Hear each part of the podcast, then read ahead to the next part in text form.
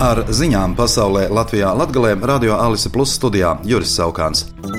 Šā gada jūnijā Eiropas komisija nāca klajā ar priekšlikumu par jauno atbalsta paketi Ukrainai 50 miljardu eiro apmērā dotācijās un aizdevumos no 2024. līdz 2027. gadam.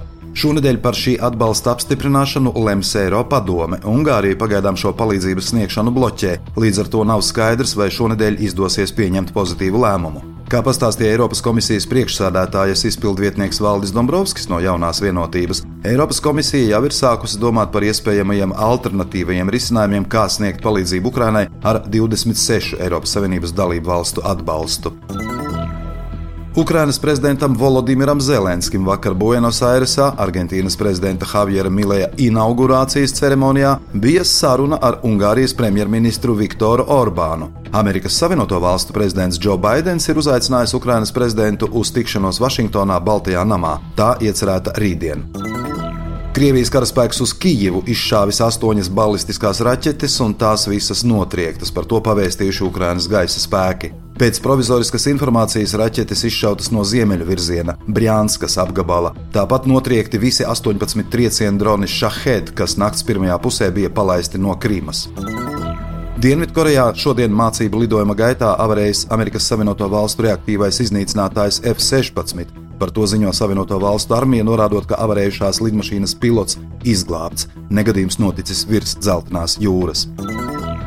Joprojām turpinās cīņas Gazas joslā, un nu jau vairāk nekā simts Izraēlas karavīri zaudējuši dzīvību kopš sauszemes operācijas sākuma Gazas joslā. Par to šodien pavēstīja Izraēlas armija. Kad Saima apstiprinās valsts budžetu 2024. gadam, sagaidāms, ka politisko amatpersonu algas nākamajā gadā pieaugs par 6%. Par to paziņoja valsts kancelēja. Paredzams, ka algu izmaiņas attieksies uz valsts prezidentu, saimas spīkeru, parlamentāriešiem, augstākās tiesas priekšstādātāju, premjerministru un ministriem, kā arī parlamentārajiem sekretāriem. Latvijas valsts ceļu tīklā plānots ierīkot vēl 17 vidējā braukšanas ātruma kontroles posmus. Par to pavēstījuši valsts SIA Latvijas valsts ceļi pārstāvji.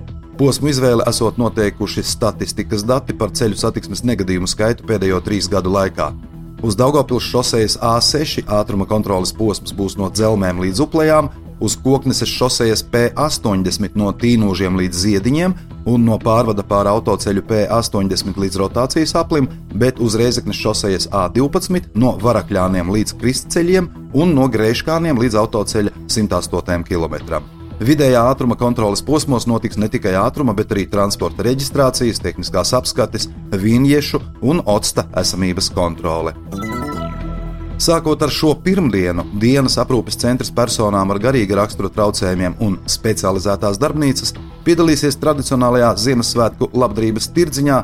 Turisma informācijas centrā Rīgas ielā 22a to rīko Daugopils pašvaldības centrālās pārvaldes sabiedrisko attiecību un turisma departaments.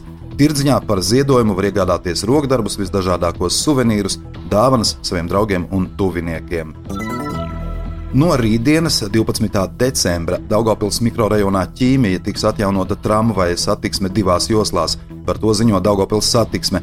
Tāpat tuvākajā laikā tiks aktualizēts kustības grafiks tramvaja pieturās un uzņēmumu mājaslapā, Tramvaja sliežu ceļa nomaiņas projektu īstenošana divos posmos - Smilšu ielā no Valkas līdz Jātnieku un Jātnieku ielā no Smilšu ielas līdz tramvaju depo tuvojas noslēgumam. Būvnieki tagad pabeidz nepieciešamos darbus un jau tīra sliežu ceļus, lai palaistu tramvajus.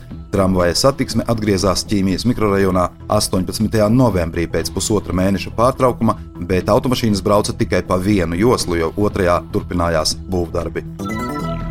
Ar ziņām studijā bija Juris Saukāns par ziņu raidījumu Ziņas bez robežām pasaulē Latvijā Latgalē, saturu atbildsījā Alise Plus, projektu finansē Mediju atbalsta fonds no Latvijas valsts budžeta līdzekļiem.